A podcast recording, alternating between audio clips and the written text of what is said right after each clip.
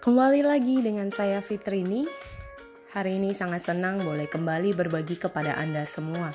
Nah, kali ini kita akan bahas apa yang bisa kita lakukan di saat masa pandemik seperti ini. Mungkin banyak dari kita yang masih tetap harus bekerja di luar atau mungkin sebagian yang bekerjanya di rumah. Nah, mungkin ada yang masih bingung apalagi mungkin punya anak yang masih sekolah dengan cara virtual online. Nah, mungkin Anda yang bekerja sebagai freelancer atau Anda yang memiliki part-time, mungkin ada yang berkurang dari pekerjaan Anda. Nah, kita tidak tahu kapan pandemi ini berakhir, bukan? Dan mungkin satu hal yang bisa kita lakukan adalah mencari komunitas kegiatan pastinya yang positif saya percaya melalui virtual online gini ada sisi baik atau positifnya yaitu di mana kita bisa mengenal banyak orang dari berbagai kalangan, di mana kita bisa belajar mengenal setiap orang yang hadir dan kita juga bisa uh, melihat dari sisi positif yang mereka bagikan dengan setiap ide-ide kreativitas mereka.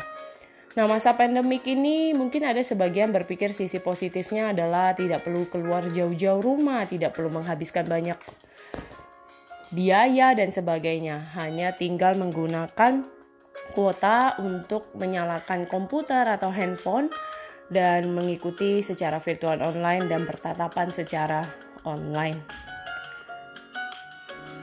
Mungkin ini menjadi kebiasaan baru yang banyak dari antara kita yang tidak terbiasa. Namun, sebuah kebiasaan yang terjadi itu karena sesuatu tindakan yang terus-menerus kita lakukan sehingga menjadi sebuah habit.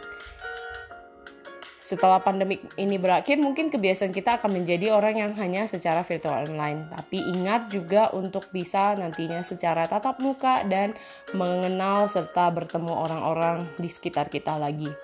Biarlah masa pandemik ini menyadarkan kita untuk lebih memiliki waktu yang berharga, waktu yang lebih berkualitas, khususnya dengan orang-orang yang kita sayangi.